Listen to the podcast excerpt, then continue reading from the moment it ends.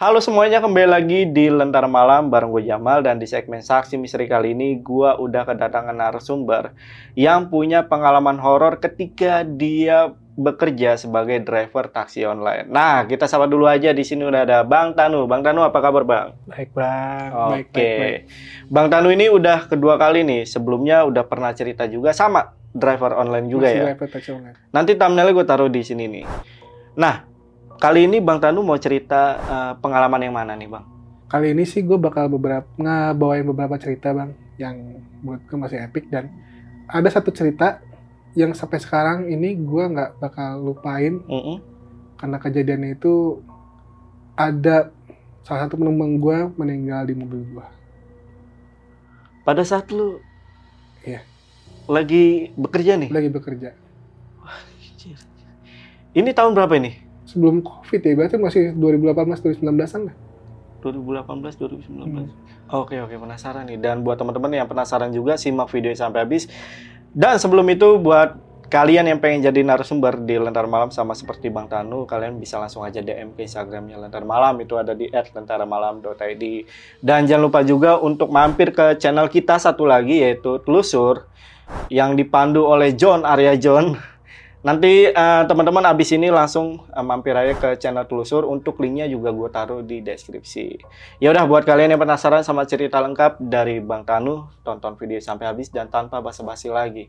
Saksi misteri, kita mulai.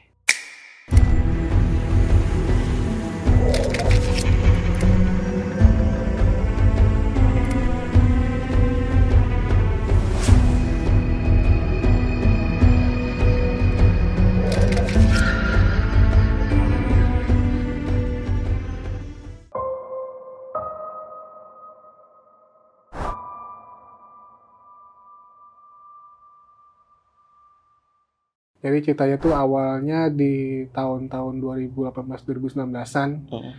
Eh, di situ gue dapat orderan. Lumayan jauh sih bang. Jadi daerah, daerah, daerah- dari daerah Halim Halim ke arah ke daerah Jakarta Barat Mm. Cengkareng tuh. Saya ingat gue Cengkareng bahwasanya.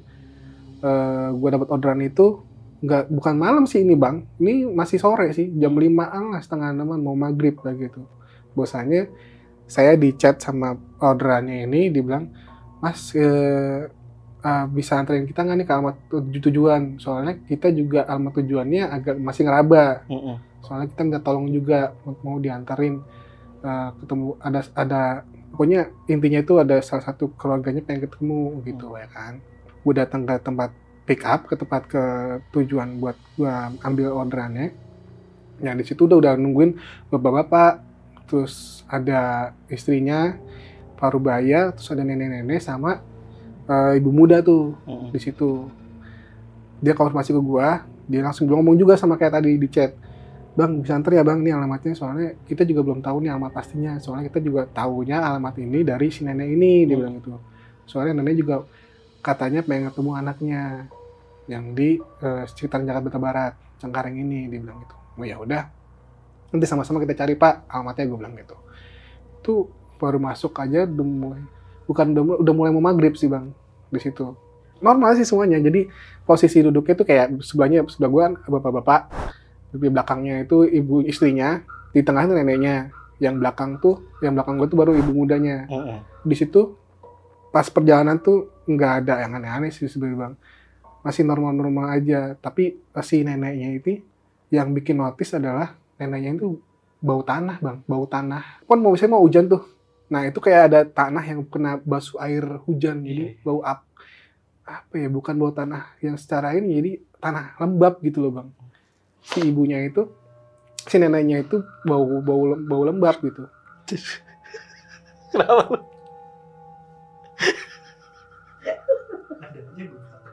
Ya lu ngapain goblok? Ada di pikiran gue rasa nih. Lu ngapain tiba-tiba begitu, Bang? Lu enggak enggak? gue tahu bau tanah pokoknya air hujan gitu bang lembab terus kayak eh, apek bukan apek mungkin bersih ya dari di, dari bentuk visualnya buat gambar gambarin nenek-neneknya ini bersih gitu Mm. dia eh, pakai pakaian yang seadanya bahwasanya pas gue jemput pun itu rumahnya udah nggak layak menurut gue bahwasanya udah rumahnya eh, kontrakannya agak kumuh juga. Terus dan dilalah eh, yang tiga orang ini tetangga tetangganya. Dia minta Ah. tolong buat nganterin ke si itu ke tempat anaknya ini pengen ketemu. Dia bilang bilang, ya udah. Udah tuh itu bau tanah tuh sepanjang jalan bang. Bau tanahnya si itu tuh berasa banget. Karena sebelumnya kan nggak belum lama itu gue bikin apa punya pewangi. Itu kopi ya mungkin kopi ya biasanya banyak dijual. Itu kalah bang kok notice ya bau bau banget ini gue bilang itu gue pengen ngobrol gue pengen nanyain ke bapak-bapaknya tapi eh, nggak enak lah gitu aja gitu ya bahwasanya takut kesinggung juga. Karena gue juga sebagai driver gue juga di di training bahwasanya udahlah kalau lu ada sesuatu yang emang mau diungkapin ya nanti aja gitu setelahnya gitu. Singkat cerita di, di tengah perjalanan si neneknya di- si nenek cerita ya ngomong ke gua pak supir minta tolong ya dianterin. Soalnya saya udah kangen banget sama anak saya nih dia bilang gitu. Udah lama banget pengen ketemu dia bilang gitu. Bahwasanya eh, udah beberapa tahun ini nggak nggak nggak nggak pulang dia bilang itu tapi saya dapat alamat ini aja dia bilang gitu. Nah sebagai itu gua gue timbang ya nek sabar ya nek gue bilang gitu. Ya nanti kita, ca- kita cari bareng-bareng gitu. Bukannya apa nanti eh, untungnya ketemu saya. Saya bisa apa namanya saya selalu saya bantuin sampai dapat lah dia bilang gitu. Ya udah makasih ya dia bilang gitu. Nggak lama tuh ibunya tidur nih bang. Eh, di dalam mobil tuh nggak udah nggak ada percakapan macam-macam bahwasanya si ibu yang paling pojok ini ibu ibu yang pojok kiri ini juga nggak cuman cuman dia cuman nimpalin ya nih bang kesian nih bilang gitu. Soalnya udah kasihan banget udah udah lama banget cuman anaknya cuman bolak balik doang dia bilang gitu. Mungkin juga ibunya dipikun juga gitu. Oh iya bu gitu pokoknya percakapannya nggak nggak terlalu apa namanya banyak lah. Nggak lama itu udah masuk daerah Damogot Eh, di map itu pun tinggal 15 menit lagi bang. Gue inget gue inget karena di di maps itu tinggal 15 menit lagi dan nyampe di apa namanya range-nya itu. Itu neneknya itu tidur bang. Neneknya tidur. Tidurnya kayak ya normal biasa. Dia menenggak ke atas sambil ngoroknya pun buat gue juga masih normal gitu. Tapi yang notice itu ibu-ibu muda di belakang gue si ibu bilang Astagfirullahaladzim bu. Dia bilang gitu. Dia eh, notice ke ibu-ibu yang paruh baya ini. Bu ini kok nenek mulai dingin ya? Dia bilang gitu. Gue inget ibu bilang ya udah tenangin dulu. Mungkin dia lagi tidur kali memang hasilnya dingin. Oh ya udah bu. Dia bilang tuh nah si ibunya ini yang ibu paruh baya ini ngomong sama gue mas dipercepat ya hmm, mobilnya bilang gitu jalannya gitu. Ya bu sabar ini lagi agak macet agak rame gue bilang gitu. Udah itu sampai sana tuh eh, sekitaran setengah tujuan lah mau mau AB mau azan isya gue ingatnya di situ.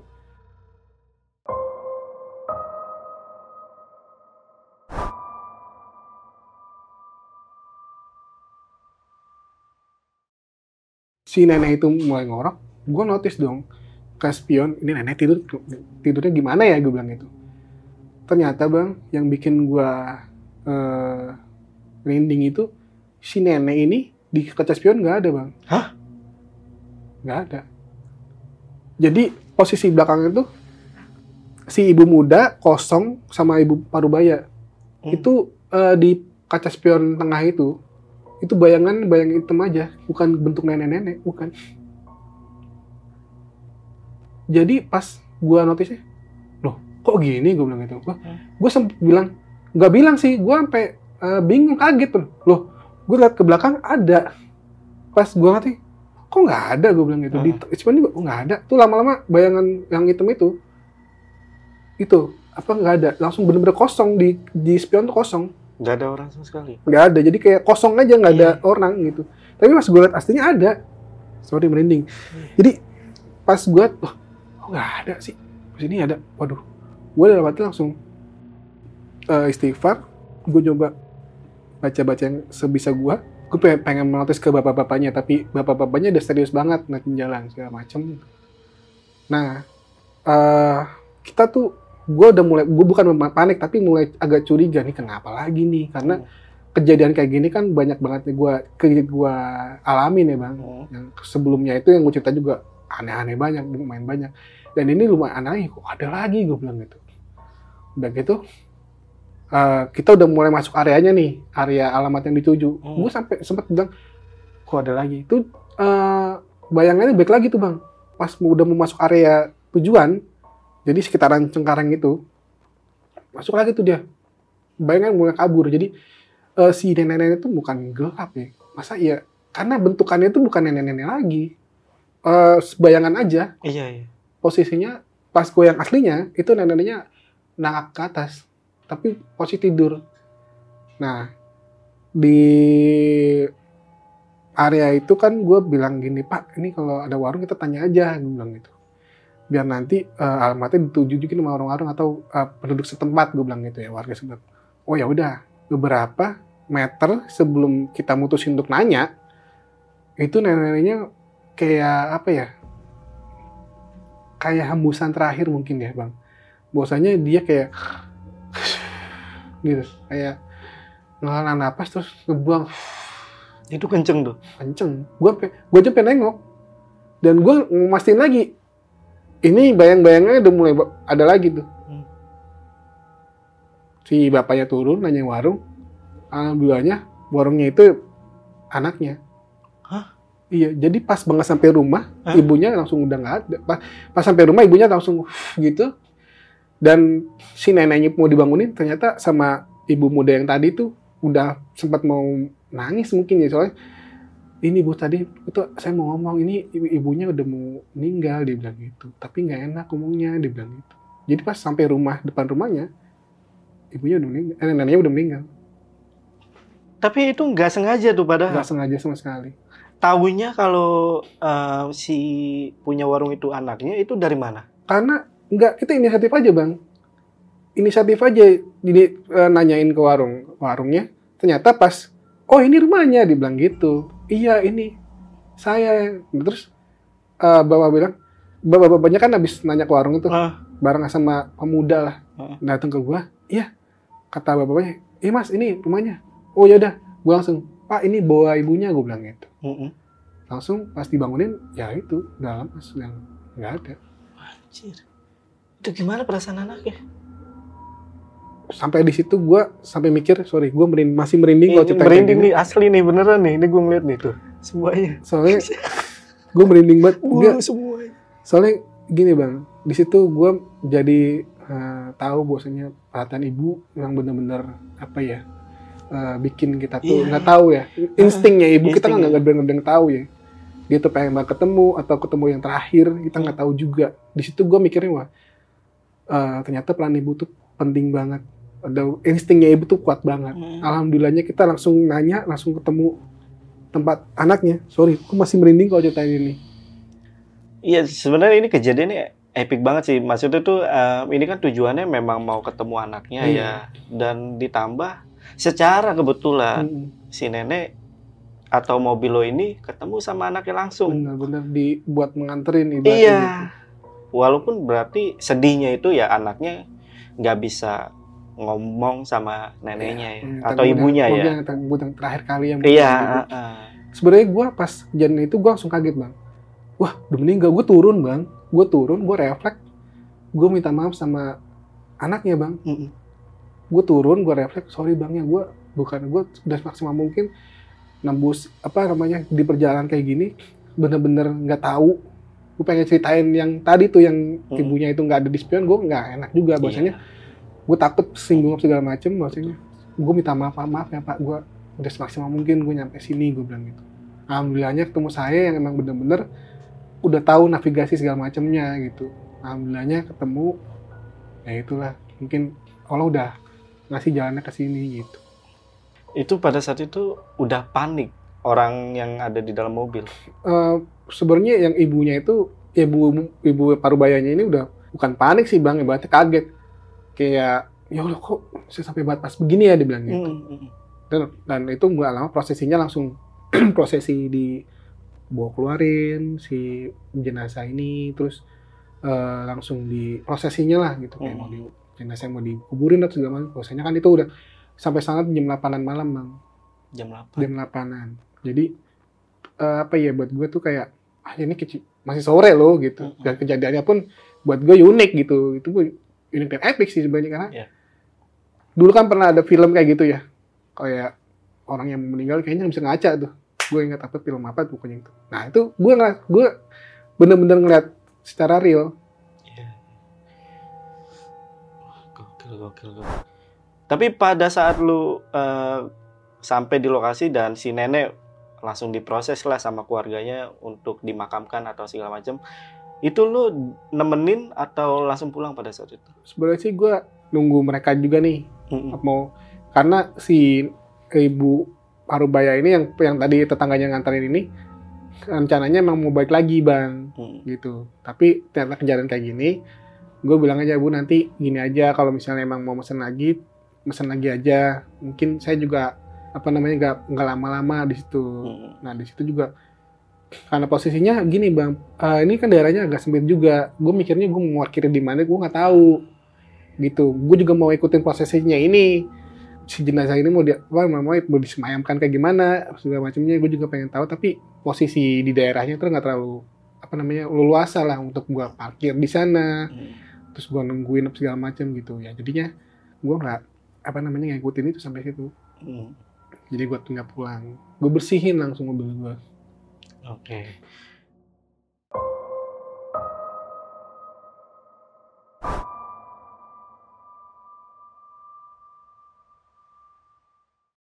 Itu kejadian yang pertama ya. Hmm.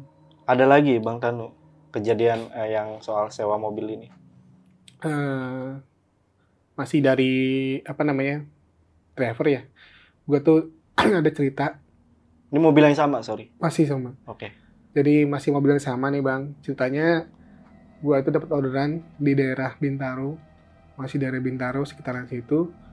Gue dapat itu eh, di swalayan yang cukup gede. Hmm. swalayan yang cukup gede dia eh, sembako lumayan lah.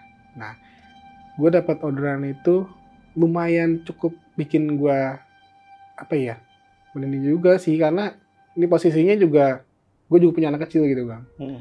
jadi gini, eh gue dapat orderan ke Swal- Swalayan, eh gue chat seperti biasa, terus eh, si eh, orderan ini chat juga bas, nanti min- bisa minjem bagasinya soalnya kita bawa barang banyak banget, Mm.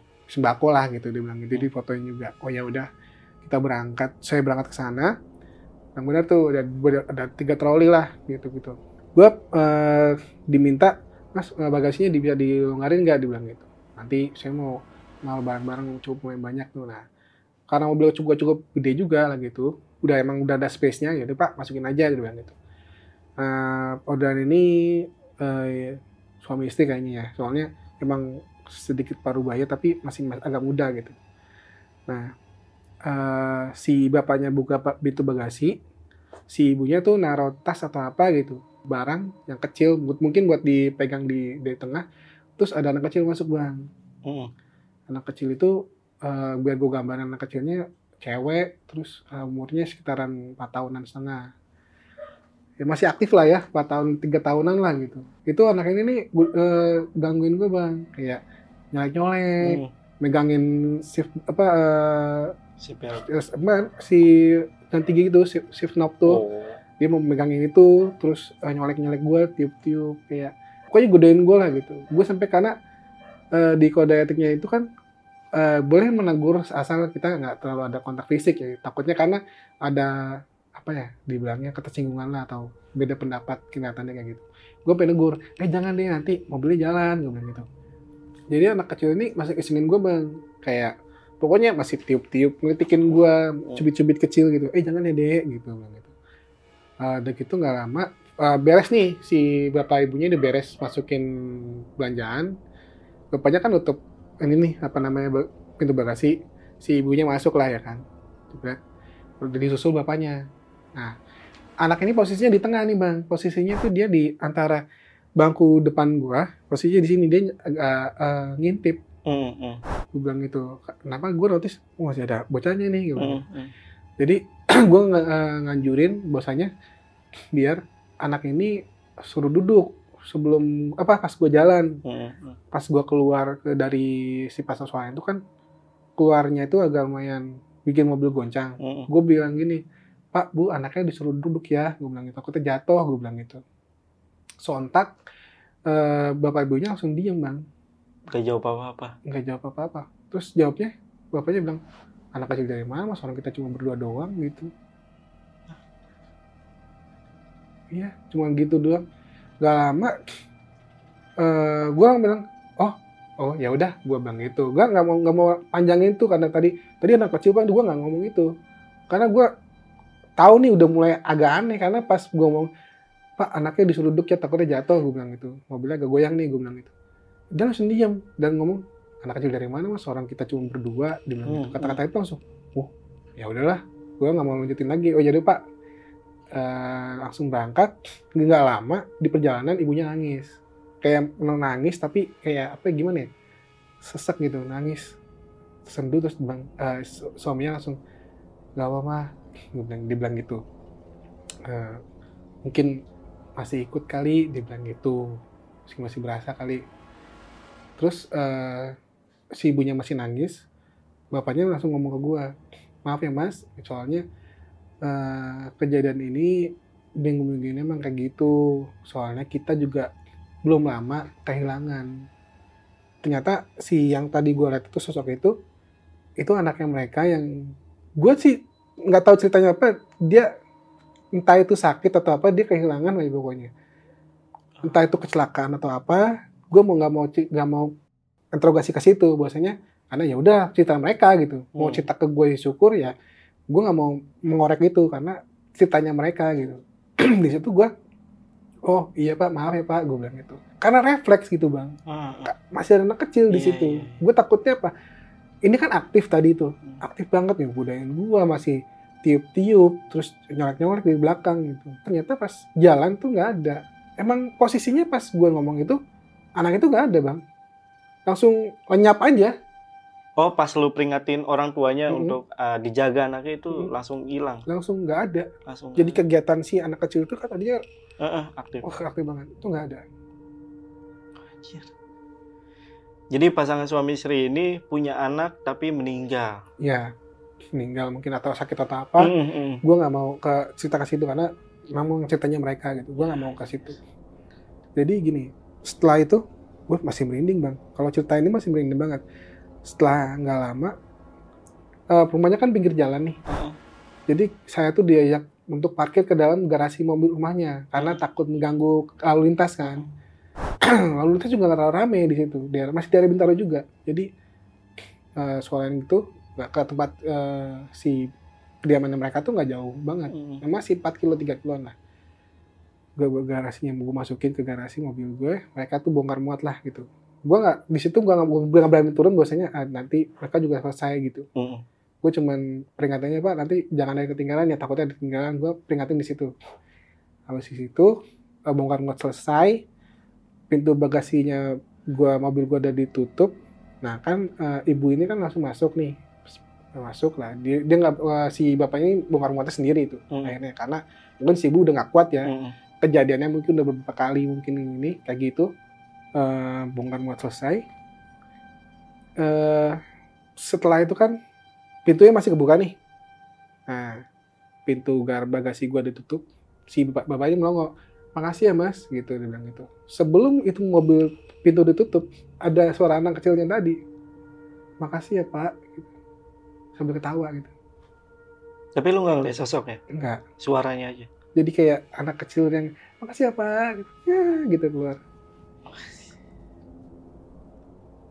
Lu nggak nanya itu em, mereka kehilangan anaknya Enggak sih. berapa lama nggak? ya? enggak enggak Iya karena sih emang nggak etis sih. takutnya Hmm. emang eh, bukan terlalu kepo ya berarti Iya, iya, ya udah iya. mereka punya cerita mereka sendiri di Iya situ betul, betul banget. gue nggak mau ke situ dan di situ sih Yang ngebuat merinding lu apa nih? Sosoknya kah atau Karena- gimana? gini bang interaksinya bang Interaksinya. karena gue ngerasain interaksinya itu ada tangan kecil mungil masuk di di arah di sela-sela mobil gue itu kan sela-sela bangku depan gue Iya. itu dia mau mau eh, megang shift knob gue. Eh, transmisi itu gue sampai peringatin dia nyolek nyolek terus eh, sempat jubit-jubit gue juga kerasa itu ya. kerasa bang Serem-serem dilarang banget nggak ada cerita. gitu Itu jam berapa kejadian? Sorry, Nah. tadi gua agak nggak notice. Kejadian ini nggak terlalu malam masih jam 8 setengah jam 9 lah karena dia mau tutup tuh toko Mm-mm. mungkin jam 9 lah kayaknya Mm-mm. soalnya pas gue datang mung- mungkin dia juga terakhir apa Hmm. mungkin, mungkin dia nyari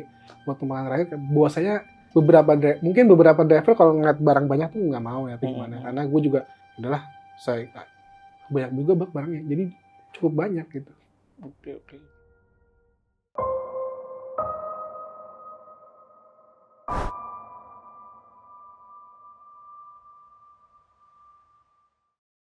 Nah ini sekarang gue juga ada cerita lagi bang Hmm. Eh, mobil yang lain yang emang gue ternyata emang gue sewa juga gitu cukup lumayan merinding juga sih bang selain cerita yang sebelumnya gue ceritain ini Beda mobil ini ya. Beda- Iya mobil mobil Hmm. karena eh, yang kemarin yang tadi gue ceritain itu mobil yang kedua dari semenjak gue apa Mm-mm. namanya Jadi driver. driver jadi driver.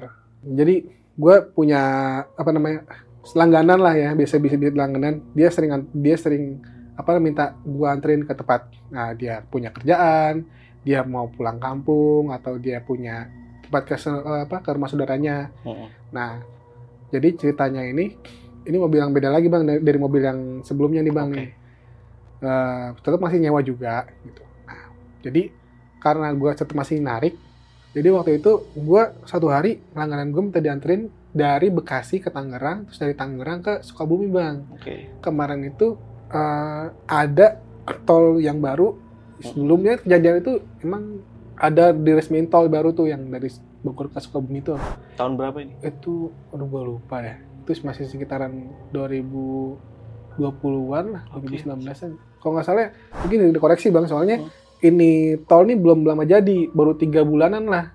Jadi eh, posisinya waktu itu lebaran dibuka buat masih gratis untuk eh, jalur mudik kali ya. Hmm, nah hmm. sekarang ini gue lewatin after jadi udah mulai ada pembayaran di situ.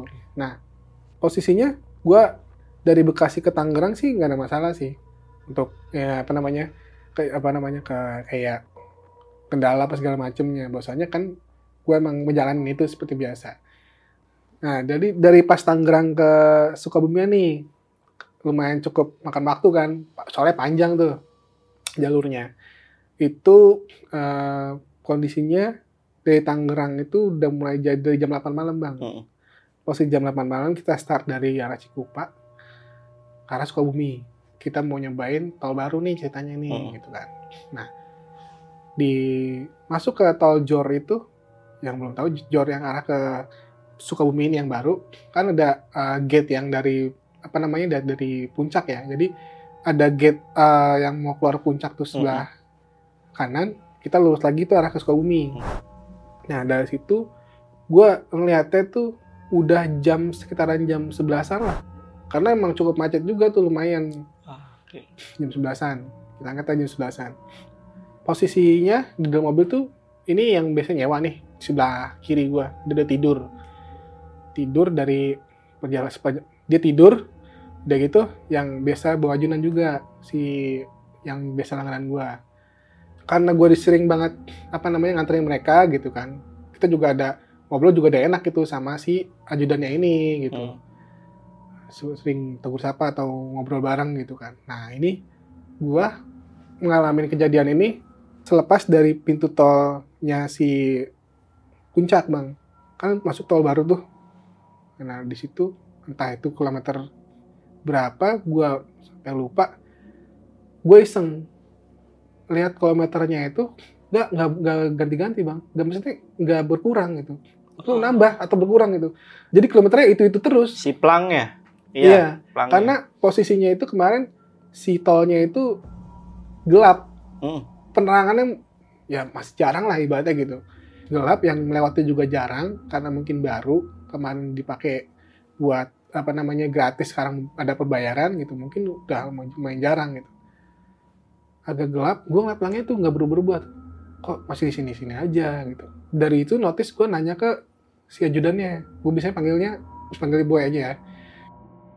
Boy, kok ini kilometernya nggak berkurang-kurang?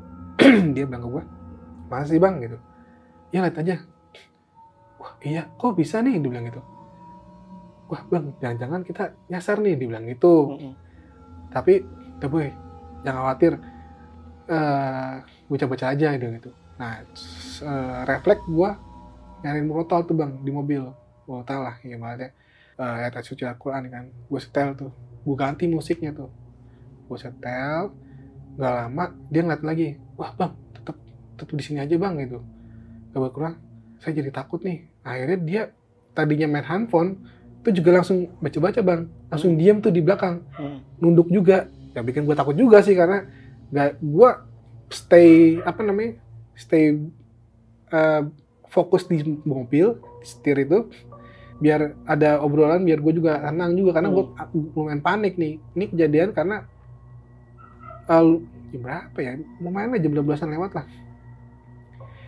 Itu nggak lama bang ada rambut turun bang Hah? dari kaca iya depan kaca tuh rambut turun Terus rambut. Hah? Dia itu rambutnya semi basah, tapi agak acak-acakan. Usut lah, tapi basah gitu. Refleks lagi, gue pakai wiper dong. Gue asap pakai wiper biasa itu. Tapi tembus bang, rambut tembus ya. Gue masih fokus, gue ngeliatin kecepatan masih 60-70. Itu rambut turun. Gue sapu lagi tembus. Tapi nyata gitu. Hmm. gue sampai gitu gue sampai bilang boy apa nih? Gue gue tanya pejudannya kan. Boy gue liat depan ada panik gue bilang gitu. Sambil agak sedikit panik ya gue terfokus gitu di jalan. Wah bang apa tuh bang? Dia langsung ini apa namanya eh, ngambil sweaternya langsung kerungkup bang ya allah ya allah gitu. Ketakutan di situ. Tapi sebelah gue si bosnya ini tuh masih tetap tidur. Entah pulas batal atau gimana jadinya nah itu rambut mulai turun. Sampai dia ngerungguk posisinya kan tadinya gue di jalur tengah nih gue minggir. Gue minggir ke jalur yang paling bukan paling bukannya di bau jalan ya Hmm. masih di jalurnya. Lama-lama eh, rambut itu mulai tebel mulai apa namanya mulai bikin pandangan gue kabur. Masih tetap masih kelihatan sih jalan masih kelihatan itu tangan mulai turun bang. Jadi di sela kaca. Di sela kanan ada bingkai kacanya itu. Itu tangan belum turun bang. Tangan. Itu apa ya kenapa gue bisa deskripsi ini nih? Tangan itu kayak orang habis tenggelam. Hah? ada biru-biru ada pokoknya ada bekas pukulannya gitu. Sorry gue masih gue merinding juga nih cerita ini. Karena ini bukannya halusinasi tapi ini jelas bang. Hmm. karena sebelumnya gue dari Tangerang itu ke Sukabumi ini gue persiapin tubuh gue nih biar fit lah gitu Hmm. gitu. Karena gue tahu perjalanannya panjang. Tapi pas di situ gue langsung wah gimana nih? Kok tangan turun? Nah kalau udah mulai turun hampir se- segini nih Hmm. se- sikut ini turun. Gue langsung ke bahu jalan bang. Ke bahu jalan murotal gue gedein terus si ajudan tadi itu yang masih ketakutan dia dengar suara ketawa bang. Dari? Di telinganya. Deket dia. Hmm. gue nggak tahu itu. Bang ini kok jadi orang ketawa bang? Dia bilang itu padahal itu murotal bang. Murotal Quran. Hmm. Astagfirullahaladzim. Gue udah mulai turun tangan. Gue minggirin tuh kayak gue buat gue pinggirin ke bahu jalan. Gue nyalain lampu hazard. Gue sampai gue zikir Astagfirullahaladzim. Nah itu kaca pintu pintu pokoknya segala kaca itu diketok bang ketoknya muter tuh jadi diketok kanan kiri full kaca mobil itu diketok Hmm. tapi ganti-gantian dari kiri terus belakang Hmm. terus kanan samping gua tuh berasa banget Hmm. orang ngetok mobil Hmm. tapi ngetoknya kayak kayak orang panik Hmm. tok tok tok tok gue masih ngeliat tangannya itu masih gue sampai ya Allah kok kayak gini banget gue bilang gitu. Gak lama ketokan itu udah hilang. Itu sosok muncul dan ini baru bener-bener gue nggak tahu kenapa gue bisa lihat itu gue juga baru itu baru ngeliat itu. Hmm. itu sosok kita kan tangan ya itu tangan masih ada masih begini bang masih gayang sosoknya muncul di sebelah kiri itu dari bawah ke atas. Ini dari luar mobil apa dari dari luar. dari luar mobil? Hmm. Padahal mobil dalam keadaan jalan. berhenti udah gue berhentiin Oh, udah lu berhentiin. udah gue berhentiin Gue kira masih jalan tuh tadi. karena gue bawa ke bawah Iya, iya. jalan gue Itu lu bener-bener berhenti ya? gue berhentiin karena suara ketokannya udah mulai ini kan Hmm. ada suara ketokan kaca kan di di kaca kan dari luar itu bang itu gue berhentiin gue sampai lampu hazard dia keluar tuh bang dari bawah itu apa ya mungkin kedua kalinya gue ngeliat itu ya Mm-mm. yang mas gue ceritain itu itu keluar dia rambutnya basah nih sama. Mungkin gue inget yang cerita gue itu dulu Iya, iya. yang kemarin tuh itu basah nih. Itu bener-bener basah. Eh, netes airnya masih netes itu terus dia ini tangannya gitu eh, nunjukin arah ke depan nih. Mm-mm. nah dari situ gue langsung udah nggak kuat bang. Tuh gue langsung nunduk gue langsung lak- klaksonin nyari klakson tuh. Biasanya oh gue nggak kuat nih Tin, terus gak lama itu kejadian cepet sih nggak nyampe semenit setengah menit. Ya kalau orang panik Hmm. semenit pun kayak bisa lama ya bang ya? Nggak lama patroli datang Mm.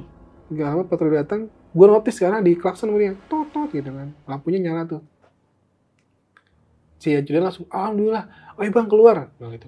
Kita keluar bareng-bareng. Polisi itu ke- keluar pintu juga bareng enggak itu kayaknya bukan polisi deh bang. Kayak patroli jalan raya si tolnya deh. Mm-mm. karena gua ngeliat mobilnya bukan mobil sedan jadi kayak kalau misalnya orang ada apa namanya pecah ban Hmm. atau mungkin ada kendara kendala apa segala macam petugas tol. Nah datang tuh. Lihat kita keluar bareng-bareng. Si petugas tolnya keluar kita juga keluar. Tapi si bosnya ini masih tidur. Ya udah kita tinggal aja lah. Terus kita juga udah panik nih gue udah lemas. Kalau keluar ada dua petugas tol dua petugas tol tuh keluar, keluar kan di kanan kiri mobilnya si petugas tol yang dari kemudi ini nyamperin gua. Sama si ajudan ini. Si ajudan ini kita ketahuan ketakutan pak tolong pak kita digangguin pak gitu gitu. Gue sampai nenangin si ajudan ini nggak tenang aja kita, kita ceritain aja nanti gitu gitu. Nah si petugas tol yang lagi keluar ke samping mobil bang. Posisinya kan uh, pet- mobil gue petugas tol nih. Nah dia ke samping ini nih samping kiri terus negur kita gitu. Kalian bisa ngapain di sini? dia bilang gitu. Ini sampai ceweknya menangis begini. Ada cewek bang. Kata si petugas, petugas tuh. nangis di pinggir mobil sambil berdiri sambil nutup muka. Terus, terus. nangis dah. Itu ceweknya pengen nangis gini kamu ngapain? dia bilang itu hah? Nah si ajudan ini pengen hah? Orang kita cuma bertiga? dia bilang gitu. Mm. masa sih? Nah si petugas yang tadi yang ngeliat ini ngajakin bareng-bareng ternyata nggak ada. Liatin si posisi dia tuh nggak ada. Si ceweknya udah nggak ada. Itu tuh kaget loh kok bisa? Dia bilang gitu. Wah bang nah itu pak. Dan kata si ajudan nah itu saya juga bingung pak ini kita digangguin gini-gini. Nah ditanya lagi bang kalian ngapain di sini? Kita tadi ada, gang- ada gangguan uh, mistis lah segala macam pak gitu bilang gitu. Gue jelasin ah emang eh, kalian mau ke mana? Dia bilang gitu yang mau keluar sini pak arah tol yang Sukabumi gue bilang gitu. Ya ini kan tinggal keluar aja. Tapi kalian tahu nggak? Ini kalian lulus lagi itu udah bukan tol lagi dia bilang gitu. Jadi kita tuh kalau misalnya ada jalan tol baru kan ada barikade be- beton tuh bang. Mm-mm. dia ngarahin kita tuh keluar tuh. Mm. nah posisi mobil gue tuh udah di ujung di luar si barikade itu. Oke. di situ. Mm-mm. kita tuh tegur kamu ngapain? Nah di situ udah di ujung udah nggak nggak ada jalan lagi dia bilang gitu disenterin sama mereka tuh ya bener nggak ada. Nah si ajudan dia bilang lah bang berarti kita yaudah yaudah gitu. Bang kalian eh, nggak berasa apa? Bang masuk dari mana? Dia bilang gitu. Mm-mm. kita ngelihat ba- kan eh, beton itu kan ada barikadenya tuh buat arahin keluar. Nah itu ada beberapa beton plastik tuh. Tapi posisinya emang nggak kebuka bang. Jadi si petugas tol itu yang ngebuka sendiri. Mm-mm. di situ kita juga aneh kok kalau misalnya kita eh, bablas terus ya mobil udah hancur berantakan dong nebus nebus si barikade itu kita masih masih ini masih masih utuh ibaratnya gitu Untungnya lu berhenti mungkin. karena berhenti Mm-mm. posisinya emang dari barikade, barikade untuk ngarahin ke tol itu itu kita sekitar 50 meteran lah jadi mobil tuh bisa parkir berdua dan nggak jauh emang ini nggak ada jalan lagi Iya, iya. tol yang belum Oh, jadi oh. lah gitu situ Ibaratnya kalau misalkan lu nggak berhenti bablas terus, itu bisa jadi lu kecelakaan ya. bisa jadi kecelakaan di situ.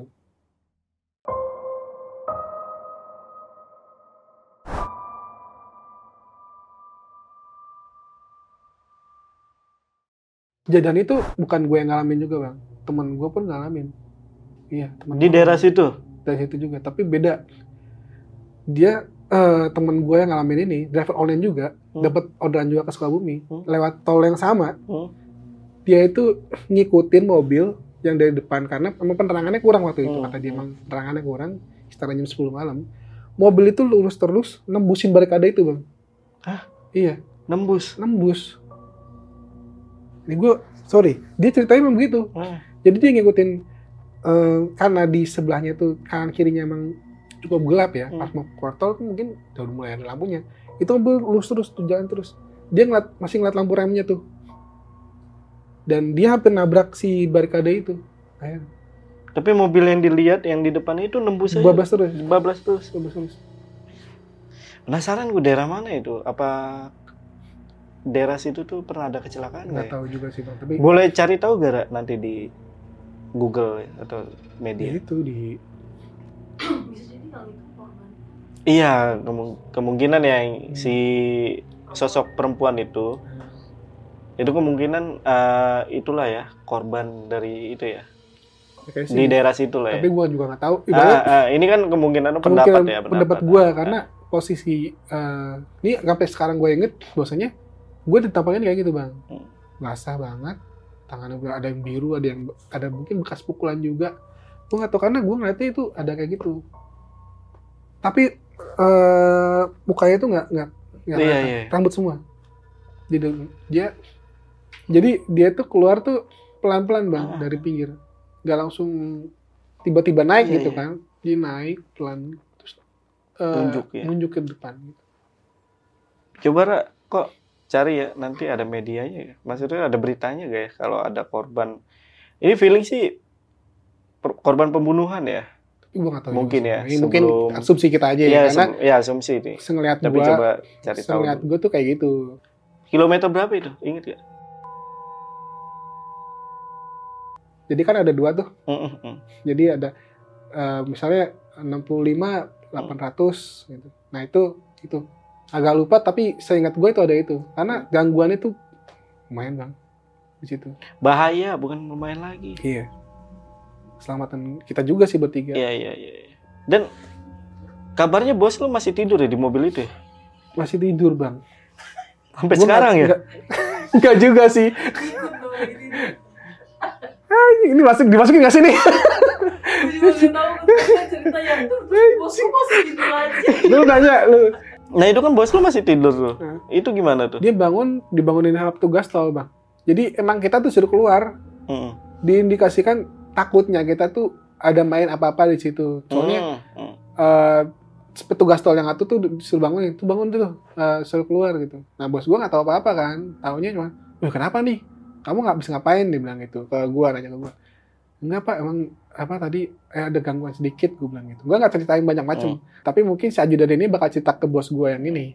Soalnya emang kondisi eh, kejadiannya tuh ada kali dua tiga menitan lah bukan ngantuk ya ini itu Mm, gua Iya, iya. sadar banget gitu di situ Tapi eh, lu kena pelanggaran di situ? Eh, alhamdulillah sih enggak sih karena Nah, ya. posisinya gue udah minggir ke bahu jalan dan nyalain lampu hazard karena mungkin eh, prosedurnya kayak gitu kali ya Iya, iya, kalau iya. misalnya gue ada kalau misalnya kendaraan ada apa namanya eh, butuh bantuan atau apa kita minggir di bahu jalan terus ya cari rest area juga sih sebenarnya yang lebih tepatnya tapi kalau darurat ya minggir aja di bahu jalan Ditambah petugas tolnya ngelihat sosok itu ya. Iya. Itu gimana perasaan petugas tolnya yang lihat itu? enggak eh, Lihat pas sosok perempuan itu. pas kemarin pas asli di situnya Hmm. dia cukup kaget bang loh tadi ada dia bilang gitu orang pas kita bilang orang kita cuma bertiga tuh sama itu bos saya kata ajudan kita ada ajudannya dia itu iya pak cuma bertiga doang nggak ada ceweknya gue bilang gitu masa sih tuh lihat jadi kita bareng-bareng tuh Iya, ber- iya. berempat-empatan ke situ nggak ada bang nggak ada bercak itu ada air atau apa nggak ada Hmm. karena posisi malam sih Oke, oke. Nah, tadi kan cerita kan jam jam sebelasan ya, setengah dua belasan lah ya, Hmm. gue kena gangguannya. Pas diketemu itu gue jam setengah tigaan bang. Itu tol nggak jauh loh bang, nggak maksudnya nggak nggak makan jam-jaman. Oh, berarti emang kemungkinan beneran kayak disasarin ya? Atau ke mana lu ya? Nggak tahu juga pokoknya Jadi pada saat yang lihat pelang. pelang kilometer Hmm. itu sama.